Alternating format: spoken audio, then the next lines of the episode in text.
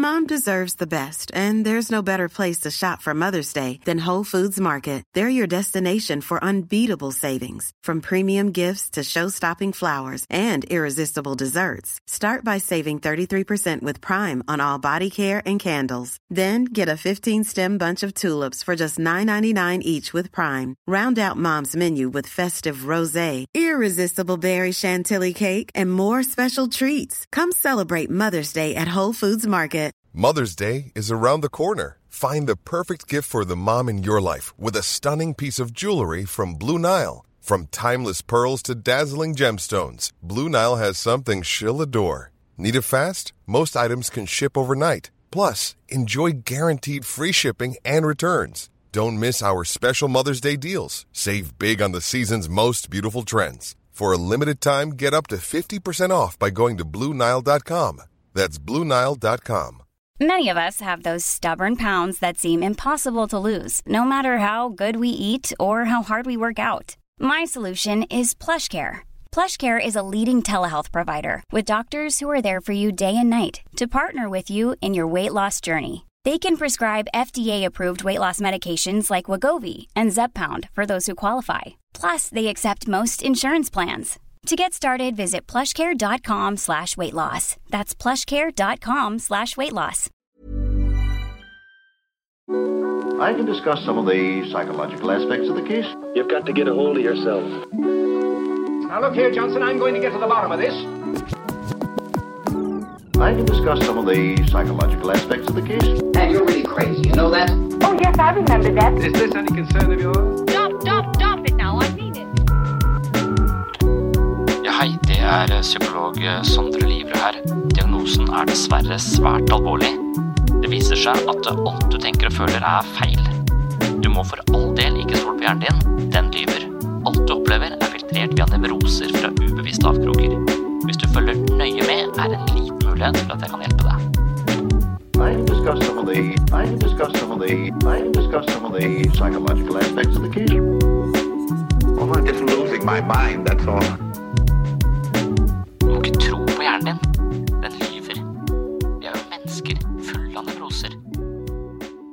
Sjarmerende idioter. Hei og velkommen til en eh, ny episode her på Sinnssyn.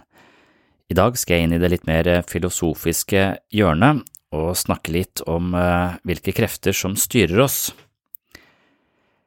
Istedenfor en psykolog som får deg til å reflektere over deg selv for å endre destruktive tanker, følelser og handlingsmønstre, så kan du kjøpe deg en ny mental programvare på Fremtidens apotek.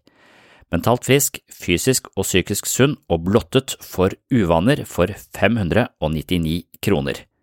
Hva hvis det egentlig var en mulighet? Tenk deg altså at du går inn på et apotek i fremtiden og kjøper en hjelm som stimulerer hjernen din på en måte som gjør at du får lyst til å jogge hver morgen, spise sunt, håndtere barna med ubegrenset tålmodighet og elske jobben din. Du gjør alt sammen med en dyptgripende glede og motivasjon. Behovet for å spise unødvendig mye sjokolade på kvelden har forsvunnet helt, mens du isteden fyser på brokkoli og en skje med tran. Er dette science fiction eller fremtidens psykiske helsevern? Og dette her er en tematikk jeg har vært innom her på Sinnsyn før, men jeg synes det er uhyre fascinerende, så derfor så skal jeg litt tilbake til denne tematikken i dagens episode, og jeg begynner med dette eksempelet som jeg henter fra Yuval Noah Harari, hvor han snakker om robotrotter. Så Harari har også skrevet om disse i boken Homo Deus. En robotrotte, eller en roborotte, er en vanlig rotte som fungerer som en avansert radiostyrt bil. Forskerne har satt inn elektroder i hjernen på rotta, elektrodene kan stimulere belønningssystemet og en del av de sensoriske områdene. Etter litt trening kan de fjernstyre rottene. De kan få dem til å gå til venstre eller høyre, klatre opp en stige og lukte seg frem til bestemte gjenstander i en søppelhaug. Forskerne kan til og med få rottene til å gjøre ting de vanligvis ikke vil, som for eksempel hoppe ned fra høyder. Man ser for seg at fjernstyrte rotter kan brukes på mange områder. De kan lete etter overlevende mennesker i et rasområde, lokalisere bomber eller kartlegge underjordiske ganger og huler. Dyrevernere er naturlig nok skeptiske, men forskerne påstår at disse rottene har det bra. Alle rotter søker mot det som aktiverer belønningssystemene og gir nytelse. Forskerne har bare endra litt på hva rottene opplever som nytelse. Robotrottene blir godt belønna, og de har en opplevelse av å være i nirvana langt oftere enn vanlige rotter. Professor Sanjeev Talvar ved Universitetet i New York ser for seg at rottene ikke opplever at de fjernstyres. I utgangspunktet styres de av nevrale forbindelser som fyrer i hjernen. Det ene nevronet aktiverer det neste i en sekvens som skaper et bestemt atferdsmønster. Hos robotrottene stimuleres ikke alle nevronene av andre nevroner, men av elektrodene som fjernstyres av forskerne. Hvis vi kunne spørre rottene om de har fri vilje, kan det godt hende at de hadde svart selvfølgelig.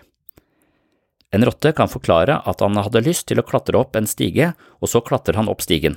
Han hadde lyst til å snuse på dynamitt, og så fant han litt dynamitt han kunne snuse på. Når han vil til venstre, så går han til venstre, og så videre. Dette kan rotten føre som bevis for sin frie vilje, men vi vet bedre. Vi kjenner til fjernkontrollen som har stimulert rotta til å klatre opp stigen. Nevroteknisk manipulasjon av hjernen kan påvirke både motivasjon og atferd, og det er et snodig fenomen som stiller den frie viljen i et nytt lys. Spørsmålet er om dette også kan overføres på mennesker. Harari skriver at mennesker har blitt manipulert på samme måte som rotter. Til og med komplekse følelser som kjærlighet, frykt, sinne og depresjon kan man eh, klare å fremkalle eller fjerne ved å stimulere enkelte områder i hjernen. Man har også eksperimenter hvor man ber folk om å gjøre et valg, påvirker valget til forsøkspersonen, og deretter ber de vedkommende om å begrunne valget. Selv om forsøkspersonen i bunn og grunn ikke hadde noe valg, fordi forskerne hadde stimulert hjernen på en bestemt måte for nettopp det valget de tok, kom de likevel med en begrunnelse for hvorfor de valgte akkurat sånn.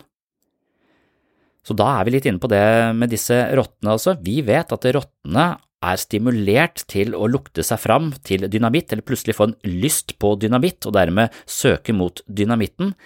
Men normalt sett har denne lysten da drifta av en eller annen biologisk prosess og noen nevroner som fyrer hjernen, men denne gangen så er det en forsker som setter i gang denne lysten via en fjernkontroll. Men eh, rotta opplever jo ikke nevronene sine, og rotta opplever ikke nødvendigvis heller denne fjernstyringa, og tror derfor at det er denne behovet, denne lysten på dynamitt, som eh, drifter dem og får dem da til å velge å gå mot den dynamitten. Og det er eh, ganske merkverdig, vi tror vi har en fri vilje, men så er vi egentlig styrt av masse faktorer vi ikke vet om. Og det er jo det som ligger bak denne podkastens mantra, alt du tenker og føler er feil, Altså, vi tror vi vet hvorfor vi vil noe, men veldig ofte så er vi kun klar over noen eh, få brøkdeler av årsaksrekkene som ligger bak det vi, det vi driver med i livet vårt. Så ofte så er vi altså motivert av faktorer vi overhodet ikke er klar over, og som vi selv ikke har noen kontroll på, og da er jo spørsmålet om vi egentlig har noe fri vilje i det hele tatt. Daniel Kanman er en israelsk-amerikansk psykolog og blant annet kjent for sin forskning på beslutningspsykologi. Han snakker om at mennesket har to selv, det ene selvet opplever øyeblikket, mens det andre selvet forteller historier. Det fortellende selvet lager sammenhenger slik at vi skal føle kontinuitet og mening i tilværelsen. Det kan hende at det fortellende selvet spiller inn hos forsøkspersonene som blir manipulert i en valgsituasjon. I etterkant har de mange forklaringer på hvorfor de valgte slik de gjorde, mens forskerne vet at forklaringene er fri fantasi. Det fortellende selve lager en historie for å sette valget inn i en forståelig kontekst. Forsøkspersonene legger altså til en meningsfull forklaring i etterkant, men i selve valgsituasjonen hadde de ikke noe annet valg fordi de var under forskernes manipulerende innflytelse.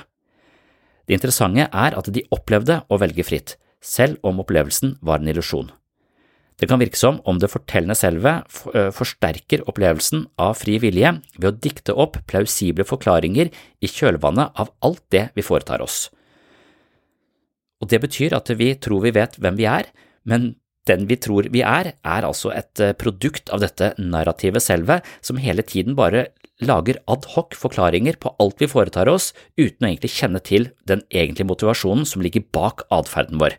Men for at vi skal føle oss som et helt menneske og føle en sammenheng mellom fortid, nåtid og fremtid, så lager dette fortellende selve en historie som er lett å forholde seg til, men som ikke nødvendigvis reflekterer virkeligheten på en god måte.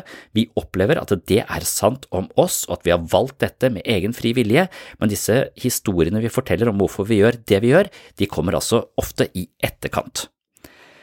I et strengt naturalistisk perspektiv har altså ikke mennesker noen grad av fri vilje i det hele tatt. Alt vi gjør er et resultat av tilfeldigheter og bestemt av tidligere forhold som ligger utenfor vår kontroll. Fri vilje er en stor debatt jeg ikke vil gå videre inn på her i denne innledningen, men det finnes gode argumenter som taler for at fri vilje er en illusjon, og jeg skal komme litt tilbake til det senere i denne episoden.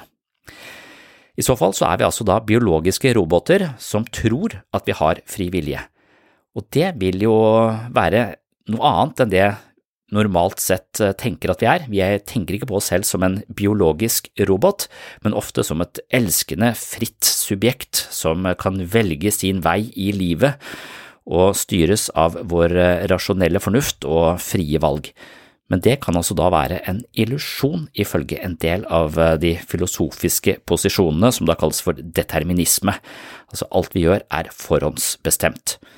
Og Freud var jo også inne på dette, at veldig mye av det vi driver med er styrt av faktorer vi ikke kjenner til, vi er styrt av ubevisste prosesser, og, men alt vi gjør har likevel en årsak, og dermed så er vi determinerte, eller overdeterminerte, mente Freud, har, det er så mange årsaker bak eh, disse komplekse valgene vi gjør, men at vi styrer disse valgene av egen fri vilje, det er det egentlig ikke plass til. Den forklaringen er det ikke plass til i et uh, mer sånn naturalistisk syn på mennesket.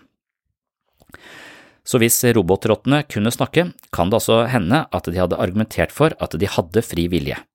De ville sagt at de hadde lyst til å klatre opp en stige og hoppe ned.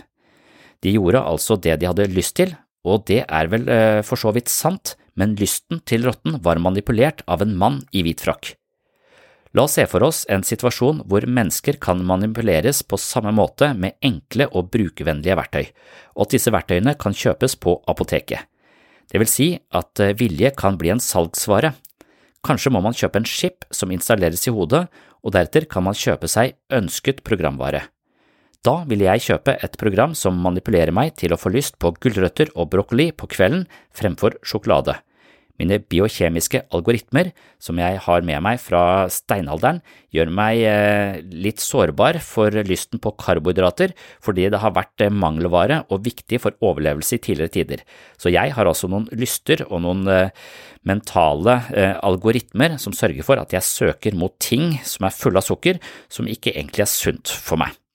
I dag er tilgangen på karbohydrater grenseløs, derfor er jeg ikke stilt på samme måte som i steinalderen. For meg er det karbohydrater overalt og veldig lett tilgjengelig, men når jeg har med disse, dette behovet for karbohydrater som var mangelvare tidligere, så går jeg altså løs på dette godteriskapet på en ganske grotesk måte innimellom, og det fører til livsstilssykdommer og i verste fall diabetes type 2, og det vil jeg helst unngå.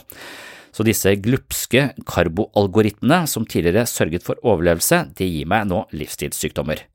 Disse vil jeg gjerne omprogrammere slik at min lyst på søtsaker erstattes av en like sterk lyst til en passe porsjon med salat og grønnsaker. Jeg kunne også tenke meg et program som ga meg veldig lyst til å trene etter at ungene har lagt seg klokka halv ni på kvelden. På dette tidspunktet har jeg som regel lyst til å synke ned i sofaen og se på TV eller stirre på smarttelefonen til jeg sovner. Tenk om vi kan kjøpe oss vilje som gir et sunt, godt, tilfredsstillende og langt liv basert på gode avgjørelser vi hele tiden opplever å gjøre av fri vilje fordi vi har lyst til det. Spiller det da noen rolle om denne lysten som manipulerer min vilje, er kjøpt på et eh, bioteknisk apotek til 599 kroner, inkludert fem år med gratis oppdateringer? Og det synes jeg er et eh, interessant spørsmål. Men her finnes det helt klart noen etiske dilemmaer. Jeg jobber til daglig med psykoterapi, og det er en langsom prosess hvor målet er at folk skal tenke på nye måter som skaper mer livsglede, eller som gjør om på gamle vaner for å leve et sunnere liv, eller bryte sine gamle mønstre for å finne en partner som behandler dem pent og ikke alltid gå for et forhold som ender med tragedie. Meg selv og menneskene jeg jobber med, tar avgjørelser på bakgrunn av ubevisste forhold vi ikke kjenner til. Vi opplever at vi velger fritt, men vi velger ofte ting som er skadelige for oss. Hvorfor? Freud, som jeg var inne på, forklarer oss at vi hele tiden gjentar fortidens tabber, og at alt vi, det vi gjør, tenker og føler er filtrert gjennom ubevisste nevroser. Vi kan simpelthen ikke stole på oss selv fordi vår mentale programvare er ganske skrøpelig. Når programvaren er virkelig skrøpelig, kaller vi det ofte en psykisk lidelse, men de fleste av oss sliter med et mentalt operativsystem som ikke alltid gagner oss på en god måte. Jeg blir for eksempel sint på barna mine selv om jeg vet at det er unødvendig, antipedagogisk og nesten alltid gjør en vanskelig situasjon mye verre. Jeg vet mye om hvordan jeg burde oppføre meg og hvordan jeg burde leve, men jeg gjør det ikke likevel. Hvis jeg kan kjøpe meg en hjelm som endrer min eh, mentale eh, måte å være på, eller mine mentale mønstre, på en måte som gjør at det blir lystbetont og naturlig for meg å velge det beste, aldri bli unødvendig sint og få mer lyst på brokkoli enn sjokolade, så tror jeg at jeg vil ha en slik hjelm. Men hva er egentlig prisen jeg betaler, bortsett fra disse 599 kronene på dette biotekniske apoteket? Det kan hende at sunn vilje og motivasjon ikke kommer på blå resept, men er noe man må betale for fra egen lomme. Det kan hende at det blir dyrt, og da kan man se for seg at skillet mellom fattig og rik blir mye, mye større. I tillegg må jeg endre mitt menneskesyn dersom hjernemanipulerende teknikker kommer på markedet. Jeg ser på mennesket som kreativt, skapende, romantisk, egenrådig og klokt. Jeg har sett for meg at jeg er agent i mitt liv, og at jeg handler fritt i tråd med min egen dømmekraft og frie vilje. Hvis fri vilje bare er en illusjon, og jeg er en biokjemisk robot som kan justeres med elektrokjemiske verktøy, medisiner eller hva enn det måtte være, så har jeg misforstått min egen natur. Hvis jeg gjør noe slemt, er det ikke fordi jeg er en ond person, men fordi jeg har spist feil medisin eller tatt på meg feil hjelm. Og den måten å forstå meg selv på, den klinger ikke spesielt godt hos meg, så selv om jeg gjerne skulle hatt lyst på brokkoli og hatt ubegrensa med tålmodighet med barna, så er jeg likevel skeptisk til denne hjelmen som gjør meg til et supermenneske, for det er ikke sånn jeg opplever min egen natur, da. Dersom det kommer en tid hvor vi kan overstyre våre innebygde algoritmer med nye og mer tilpassa varianter, altså bytte ut våre dårlige vaner, tanker og følelser med noe som er mye bedre, så mister jeg sannsynligvis jobben i tillegg. Altså det er dette jeg driver med. Jeg driver jo med å prøve å lodde dybden i meg selv, forstå min egen motivasjon, forstå, gjøre det ubevisste bevisst, sånn at jeg kan eh, ta andre og bedre valg, og det er det som er den psykoterapeutiske prosessen, og det er dette dypdykket i menneskesinnet, både i mitt eget sinn og andres sinn, som jeg opplever så dypt og inderlig meningsfullt, men hvis vi bare kan kjøpe en hjelm, så forsvinner jo hele denne prosessen, og ja, jeg mister jobben, derfor så er det også et argument for at denne hjelmen eh, kanskje er en slags eh, trussel. I tillegg til at jeg da må endre mitt menneskesyn, så mister jeg også jobben. Så når man tenker seg litt eh, mer om, så kan hende at denne hjelmen kommer med noen eh, ulemper som ikke nødvendigvis er umiddelbart synlige. Man kan også innvende at dette bare er science fiction, men ifølge flere seriøse teoretikere kan det være realistisk i ganske nær fremtid. Og da er spørsmålet hva tenker egentlig du om dette? Det kan du, kan du ta med deg inn i uka. Vil du bli eh, overstyrt av tech-giganter, eller vil du være full av nevroser og uvaner som kanskje gjør deg til et menneske som ikke er helt perfekt og ikke så veldig sunt, men kanskje du er ganske sjarmerende. Kanskje sjarmerende, kanskje det er nettopp i feilene våre at sjarmen ligger. Og der tror jeg det er eh, et eller annet eh, viktig dilemma å i hvert fall tenke over. Nå skal du få være med til et eh, foredrag hvor jeg drodler videre over dette med fri vilje.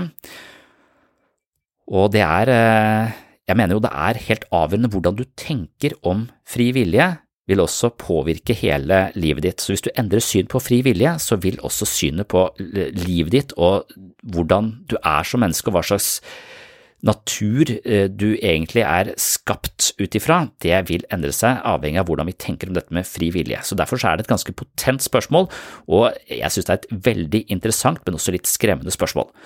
Så nå går vi altså til et foredrag hvor eh, dette med fri vilje blir eh, tema. Hiring for your small business? If you're not looking for professionals on LinkedIn, you're looking in the wrong place. That's like looking for your car keys in a fish tank. LinkedIn helps you hire professionals you can't find anywhere else, even those who aren't actively searching for a new job but might be open to the perfect role. In a given month, over 70% of LinkedIn users don't even visit other leading job sites. So start looking in the right place. With LinkedIn, you can hire professionals like a professional. Post your free job on linkedin.com slash people today. Mom deserves the best, and there's no better place to shop for Mother's Day than Whole Foods Market. They're your destination for unbeatable savings, from premium gifts to show-stopping flowers and irresistible desserts. Start by saving 33% with Prime on all body care and candles. Then get a 15-stem bunch of tulips for just $9.99 each with Prime. Round out Mom's menu with festive rosé, irresistible berry chantilly cake, and more special treats. Come celebrate Mother's Day at Whole Foods Market. Millions of people have lost weight with personalized plans from Noom, like Evan, who can't stand salads and still lost 50 pounds. Salads, generally, for most people, are the easy button, right? For me, that wasn't an option. I never really was a salad guy. That's just not who I am. But Noom worked for me. Get your personalized plan today at Noom.com. Real Noom user compensated to provide their story. In four weeks, the typical Noom user can expect to lose one to two pounds per week. Individual results may vary.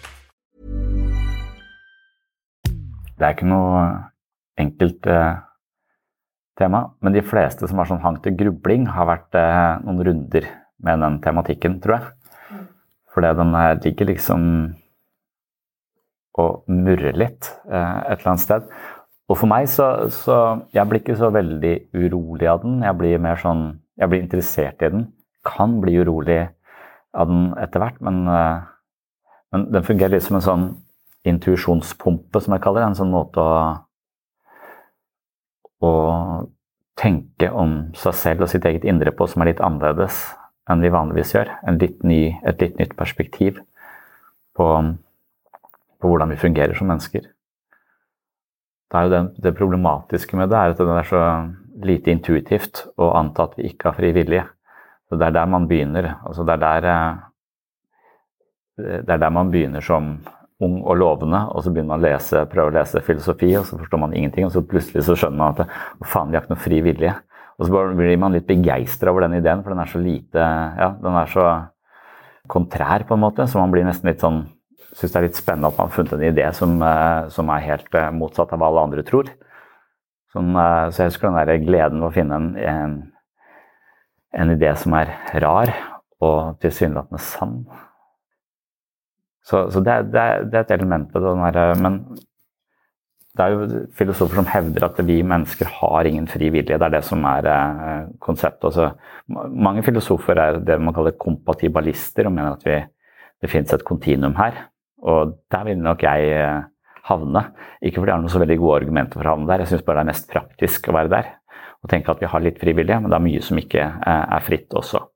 Mens de som tenker at vi overhodet ikke har noe frivillige, det kalles determinister. De, er deterministiske. De mener at alt er eh, forhåndsbestemt i en eller annen grad. Det fins også religiøse mennesker som kan være sånn, selv om de religiøse ofte har, eh, har nettopp ideen om frivillige som sitt viktigste argument da, for at eh, vi er et menneske som, som kan velge det onde. Så hvis vi hadde vært alt hadde vært deterministisk, alt forhåndsbestemt, så hadde vi ikke hatt noe valg. Så da hadde vi jo havnet i helvete helt uforskyldt, på en måte. Men vi må kunne velge det gode eller det onde for å, for å være eh, i stand til å bli dømt. Eh, vi må dømmes for våre handlinger, så derfor må vi ha en fri, fri vilje. Så de religiøse har ofte det. Men det kan også argumentere for at eh, hvis Gud vet alt, og vet alt som kommer da til å skje, så, så er jo det igjen også forhåndsbestemt at det er noe han har skapt, så vi er bare en slags nikkedukke i hans teater. Han vet alt som kommer til, til, å skje, da kunne vi ikke gjort noe annet. Da er vi liksom litt uh, utenfor uh, ja, skyld da også, kan man si. Eller da er vi bare litt sånn ufrivillig medspiller i et eller annet guddommelig drama. Men det er litt på siden, da. Men, uh, men hvis vi tenker at vi ikke har noe fri vilje, så har det ganske mange konsekvenser for måten vi, vi forstår oss selv og menneskeheten på. Og så er det mange gode argumenter som eh, peker mot at vi i hvert fall har mye mindre fri vilje enn det vi antar at vi, eh, vi, har, eller det vi føler vi har. For De fleste av oss føler at vi kan velge å ta på oss denne buksa, gå hit i dag, ikke gå hit i dag. At vi hele tiden har eh, et eller annet valg. Og at det ligger innenfor vår horisont å kunne, kunne velge disse tingene. Men blant de argumentene som forteller oss at ja, det der er en illusjon, det er bl.a. et studiet til Libé, som jeg vet ikke om jeg snakket om. men men når han uh, har sånne litt enkle valg Du skal, du skal, trykke på en gul knapp eller en rød knapp, eller jeg husker ikke akkurat hvordan det studiet er lagt opp. Men så, så, bestemmer du deg for at jeg skal trykke på den gule knappen, og så spør du hvorfor trykte du på den gule knappen. kanskje? Ja, det var fordi at jeg, jeg liker sola, og det minnet meg om sola. Så derfor trykte jeg på den gule knappen. det var ikke... Og så sier han at ja, så, så, vi har den opplevelse at vi har fått eh, valget. Hvilken knapp vil du trykke på, f.eks. hvis det er det, og så har vi valgt. Men så viser det seg da, med sånne fine instrumenter kobla på hjernen, at det valget vi har tatt, det er tatt på et tidligere tidspunkt enn da vi er bevisst om at det er det valget vi har tatt. Så selve den motoriske responsen for å trykke på den knappen er iverksatt før vi er bevisste om at det er den gule knappen vi kommer til å trykke på. Sånn at eh, ting er eh, iscenesatt før vi er bevisste om at det er det vi kommer til å gjøre. Men idet vi blir bevisste at det er dit vi skal med fingeren vår, så lager det narrativet selv en forklaring på at det er det vi velger, og så tar vi eierskap til den, eh, den handlingen og trykker på den knappen. Men det skjer i etterkant. Så eierskapet til handlingen det er noe vi tilskriver i etterkant. Så dermed så er alt bare iverksatt fra et ubevisst nivå hvor vi egentlig ikke har noe, noe, reelt sett noe valg. Hvorfor vi trykker akkurat der, det er et resultat av en myriade av faktorer som vi ikke er klar over. Eh, og alt dette her går tilbake til the big bang, på en måte. For ideen om at vi har fri vilje er sånn filosofisk problematisk. For hvis vi har en fri vilje, så eh, vil vi være annerledes enn resten av naturen. For alt vi kjenner i naturen, Eh, er bygd opp på en komplisert variant av årsak-virkning. Noe er litt lett årsak-virkning. Mens, eh, mens mennesker f.eks. er det milliarder av synaptiske forbindelser og ulike påvirkninger som fører til den, eh, den, handlingen. Så hvis vi er en del av naturen, en normal del av naturen, så vil vi også være underlagt denne årsak-virkningsmekanikken som ser ut som resten av universet baserer seg på. Så alt vi gjør, er eh, pga. noe annet, som er pga. noe annet, som er pga. noe annet, som er pga. noe annet, og så er det milliarder av eh, ting på hvert eneste felt her, helt tilbake til the big bang. Så hvis vi potensielt sett kjente alle faktorene, så kunne vi regne ut hva jeg kom til å si i neste setning, hva vi kom til å gjøre i, i neste minutt. Altså hvis vi kjente alle faktorene, så, så kunne vi potensielt sett regna det ut.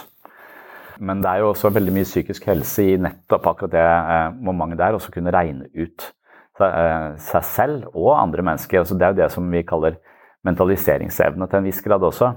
Altså hvis du, hvis du er ondsinna med å regne ut andre mennesker for å manipulere dem, så, så, er det fordi du mangler empatien.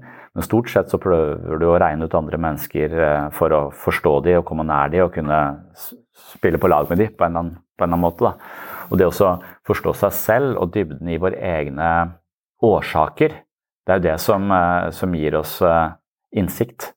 Sånn at vi ikke blir tatt på senga. Hvorfor gjør jeg det hver gang? Hvorfor havner jeg akkurat i denne situasjonen uh, hver gang? Sånn at man kan se flere av de årsakene som fører oss akkurat, akkurat dit. Og da er spørsmålet hvis vi ser de årsakene, vil det være en måte å velge annerledes på? Eller vil det bare være en ny biljardkule inn i dette eksistensielle drama som er livet vårt, som er en idé vi har fått som da sparker oss litt i en annen, i en annen retning. For det er sånn, Man må se at verden ser ut som et biljardbord. altså Kuler treffer hverandre med en spesiell vinkel, som fører neste kule til en spesiell vinkel, som fører neste kule til en uh, spesiell vinkel. og At vi skal kunne transcendere den dynamikken der. Fordi vi har en annen sånn måte å ikke eh, følge denne årsaks-virkningsmekanikken på. Det er nesten litt guddommelig i seg selv. Og Det er vel det religiøse mennesker vil si jo, vi er helt spesielle i skaperverket, for vi nettopp kan det. Vi kan sette oss over eh, denne automatikken og skape noe på egen hånd. Og det er det som gjør oss til disse kreative, elskende eh, vesenene eh, vi er. Og det er intuitivt også. Vi har en følelse av at vi eier disse handlingene. Men nevrovitenskapen sier at den følelsen av å eie disse handlingene, den er post hoc putta på som en rasjonalisering av hvorfor du gjør akkurat det, akkurat det du gjør. Og um, jeg, jeg vet Én ting er å trykke på en knapp, en annen ting er å elske et annet menneske eller velge en utdannelse.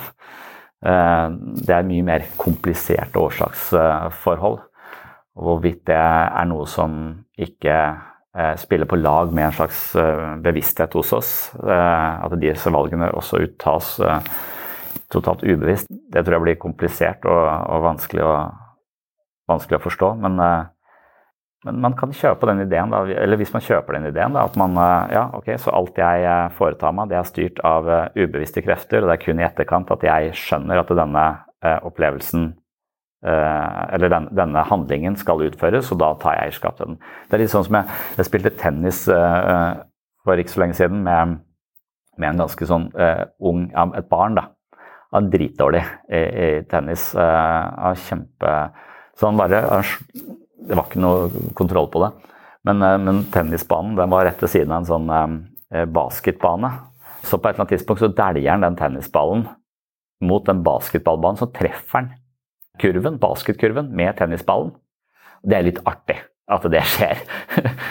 og, så, eh, og da Idet han, i det han da treffer tennisballen oppi basketkurven, så sier han det var det jeg prøvde på. så tenker jeg særlig. Men det er litt, det, jeg føler det er litt sånn hjernen vår fungerer, da, hvis du ser det for deg. at det, liksom, den, eh, det som skjer, det bare skjer. Hjernen er en uh, fabrikk av opplevelser og handlinger som er uh, forhåndsprogrammert av uh, alle erfaringene våre, akkumulert over livsløpet vårt, som igjen er et ekko av erfaringer folk før oss i tidligere tider har gjort. Kulturen, alle påvirkningskreftene fører til dette her. Og all han, denne guttens manglende trening i tennis fører til at han plutselig treffer basketkurven istedenfor over på min banehalvdel men, men, men, så tar han eierskap til, til, dette i etterkant. og Det er sånn hjernen fungerer. Ja, det var, det var, jeg som gjorde det, det var jeg som uh, tenkte ut dette. Nei, det var ikke På en måte så var det jo det, men det, var, det, liksom det å ha det, dette eierskapet uh, til det og ha bestemt seg for det og rasjonalisere det, det er noe som kommer da i, i, i etterkant. Og så er det tusenvis av andre sånne psykologiske eksperimenter vi også kan, kan på en måte, som understøtter eller svekker ideen om fri vilje. Sånn at Eh, vi, vi, tror vi tar rasjonelle, oppegående valg om ting, men så viser det f.eks. at det er lista sånn 170 forskjellige tankefeller som gjør at vi tenderer til å ja, Vi har snakket om det mange ganger at vi tror mer på høye mennesker enn vi tror på lave mennesker. Det gjelder spesielt menn. Derfor er alle presidenter ofte høye. De kan være ganske dumme, men de er ofte veldig høye. Fordi at vi eh, på en måte eh, vurderer høyde som vi, vi har en slags kobling med høyde og og egnethet til å være president, tydeligvis. Og så er det ingen sammenheng der, men vi likevel, likevel, har det. Vi tenker også at pene mennesker er bedre foreldre, bla, bla, bla. Masse sånne uh, tankefeil som, uh, som, vi gjør, som også styrer, uh, styrer, måten vi tenker og føler og handler på, og så forklarer vi det. Også denne narrativet selve, som har som oppgave å forsvare alt vi gjør. Det er som en slags politisk rådgiver som bare skal prøve å forsvare alt det statsministeren holder på med eller presidenten holder på med. Så når presidenten er helt på trynet, så ja, men han presenterer alternative fakta. Og så prøver vi plutselig å finne på et nytt ord, eh, bare for å febrilsk prøve å forklare hvorfor vi gjør sånn som vi gjør. Og sånn er vi litt i vårt eget liv. Dette det narrativet selv prøver febrilsk å forklare hvorfor vi oppfører oss på denne måten gang på gang på gang på gang. Hvorfor, hvorfor reagerer du med eh, høy alarmberedskap i ethvert slektstreff, på en måte? Eh, så, så, må man lage en forklaring på det. Og så lager man mer eller mindre kreative forklaringer på, på disse tingene. Og hver gang vi lager en forklaring, så, så, tenker jeg vi vet om kanskje en eller to faktorer, og så er det en myriade av faktorer som fører til akkurat den opplevelsen, akkurat de handlingene der, der og da. Så, så, igjen, at vi, at vi gjør dette på noe som helst med, med vilje, det er, det er, ganske usannsynlig. Så vi er, eh, vi er, styrt av så mange krefter som vi ikke er, eh, ikke er klar over. Men vi er også styrt av ja, vi er biologi, eh, psykologi, kultur, foreldre, familie. Alt, alt mulig. Ja, der stoppet jeg. Det siste du hørte her, det var kun et lite utdrag fra et eh, lengre foredrag om eh, fri vilje. Er du blant de som synes at denne tematikken rundt vår frihet eller mangel på frihet er interessant, og gjerne vil høre mer, så har jeg altså laget en hel episode om dette på min Patron-konto. På patron.com for segs sinnssyn kan du abonnere på Sinnsyns mentale treningsstudio, og som abonnent av Sinnsyn får du tilgang til masse ekstra episoder av Sinnssyn. Du får også tilgang til bøkene mine som lydbøker, meditasjonsveiledning, masse videoforedrag og en del øvelser som handler om å sette denne psykologiske teorien ut i praksis, og mye mer. Så hvis du melder deg inn nå for å dykke videre ned i spørsmålet om eh, ansvarets og frihetens psykologi, så kan du bla deg tilbake i eh, sinnssyn-katalogen på Patron og finne episode 57 som heter Ansvar, skyld og fri vilje. Så for den som vil ha mer, så finner du altså en hel episode om denne tematikken i episode 57 på patron.com for segs sinnssyn. Og det er en ganske interessant tematikk, eh, synes jeg. Jeg eh, opplever å miste min tro på fri vilje når jeg leser eh, folk som Sam Harris osv., som er eh, ganske bestemt på at menneskets frie vilje er en illusjon. Det er ofte snakk om han Charles Whitman som har denne golfballen i hodet, altså han som dreper mange mennesker, skyter familien sin og en hel haug av tilfeldige folk. Men siden skriver en lapp om at de er nødt til å sjekke ut hjernen hans, fordi at dette var litt ut av karakter. Han har aldri vært en person som hadde noen intensjoner om å drepe noen, han har heller ikke vært spesielt eh, aggressiv, men plutselig har han fått en sånn enorm trang til å utagere denne aggresjonen. Og når de åpner hodet hans, så finner de altså en, eh, golf, eh, en, en tumor på størrelse med en golfball i prefrontal cortex et eller annet sted, som da kan forklare denne voldsomme aggresjonen og denne manglende impulskontrollen og denne lammelsen av empatien og forståelsen for hva det er han driver med. Og dermed så er det jo vanskelig å klandre han, altså det er denne tumoren i hodet som eh, har forårsaket denne atferden. Og Sam Harris han mener at eh, alle mennesker har sånne type tumorer i hodet, men ikke nødvendigvis eh, en eh, kreftsvulst, men at det er andre årsaker som ligger utenfor vår kontroll, som drifter alt det vi foretar oss. Så vi har erfaringer, vi har opplevelser, vi har ideer, vi har en hel haug av ting som ligger utenfor vår kontroll, som påvirker oss og styrer oss i mye større grad enn det vi tror, og derfor har vi dypest sett ingen fri vilje. Men jeg tror nok at vi likevel har en fri vilje, eller er nødt til å tro at vi har en fri vilje, for jeg mener det er det vi driver med i psykisk helsevern. Altså Det jeg jobber med med mine pasienter, er jo å oppdage denne automatikken, se hvordan de gang på gang går inn i destruktive relasjoner, gang på gang tar eh, snarveier for å unngå vanskelige følelser, gang på gang gjør ting som på kort sikt kanskje skaper en slags lindring i øyeblikket, men som på lengre sikt skaper et mønster som får eh, skadelige konsekvenser. Så det å oppdage hvordan eh, vi gjør ulike mentale manøvre som kanskje gir oss en frihet i øyeblikket, men på lengre sikt skaper uh, uhelse, det er jo det psykologi dreier seg om. Så det å forstå seg selv, det å forstå våre tankefeller, forstå hvordan vi har lært å se på oss selv som mindreverdige fordi vi hele tiden har mottatt kritikk, og at denne synet på selv egentlig ikke er en sannhet, men altså et ekko fra all den kritikken vi har mottatt tidligere. Det å forstå den typen ting, når vi ser det, så er det også mulig å endre det. Så alle de tingene jeg ser med meg selv, de kan jeg potensielt sett endre, men når jeg ikke ser dem, da er jeg fanga av dem, og da har jeg ikke noe fri vilje. Men idet jeg kan se de, så føler jeg at vi skaper et rom hvor friheten blir en mulighet. Så psykisk helse er per definisjon å oppøve seg mer fri vilje over sine egne handlinger, måter å tenke på og måter å føle på. Og det er jo det jeg kaller da sinnssyn. Se sitt eget sinn, oppdaget sider ved deg selv du ikke eh, tidligere har sett, og når du har sett de sidene, så har du i neste situasjon et større handlingsrom, og det må jeg påstå er et eksempel på fri vilje, eller kanskje definisjonen på fri vilje, sånn jeg ser det fra et psykologisk perspektiv. Så det var det jeg ville si eh, i denne episoden. Som sagt, hvis du vil ha mer og vil støtte dette prosjektet, hvis du finner verdi her på sinnssyn og vil støtte prosjektet, så er det via patron.com for segs sinnssyn at du kan skaffe deg et abonnement. Og som takk for støtten så får du da masse ekstra materiale. Og hvis det er dette med fri vilje du er interessert i, så er det altså episode 57 der inne du kan bla deg frem til. Det var det for denne gang. På gjenhør i neste episode. Tjallabais! Oh, I'm just losing my mind, that's all.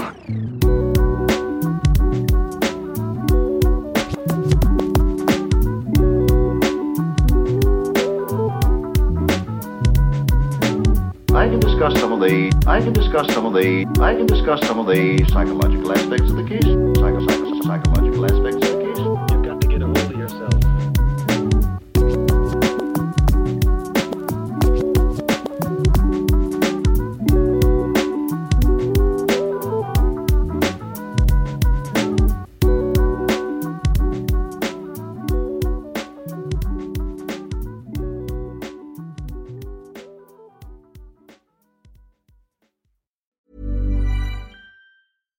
Even when we're on a budget, we still deserve nice things. Quince is a place to scoop up stunning high-end goods for 50 to 80% less than similar brands. They have buttery soft cashmere sweaters starting at $50, luxurious Italian leather bags, and so much more. Plus, Quince only works with factories that use safe, ethical, and responsible manufacturing. Get the high-end goods you'll love without the high price tag with Quince. Go to quince.com slash style for free shipping and 365-day returns. A lot can happen in the next three years. Like a chatbot may be your new best friend. But what won't change? Needing health insurance. United Healthcare Tri Term Medical Plans are available for these changing times. Underwritten by Golden Rule Insurance Company, they offer budget friendly, flexible coverage for people who are in between jobs or missed open enrollment. The plans last nearly three years in some states, with access to a nationwide network of doctors and hospitals. So, for whatever tomorrow brings, United Healthcare Tri Term Medical Plans may be for you. Learn more at uh1.com. Imagine the softest sheets you've ever felt. Now imagine them getting even softer over time. That's what you'll feel with Bowl and Branch's organic cotton sheets. In a recent customer survey, 96% replied that Bowl and Branch sheets get softer with every wash. Start getting your best night's sleep in these sheets that get softer and softer for years to come. Try their sheets with a 30-night guarantee. Plus, get 15% off your first order at bowlandbranch.com. Code BUTTERY. Exclusions apply. See site for details.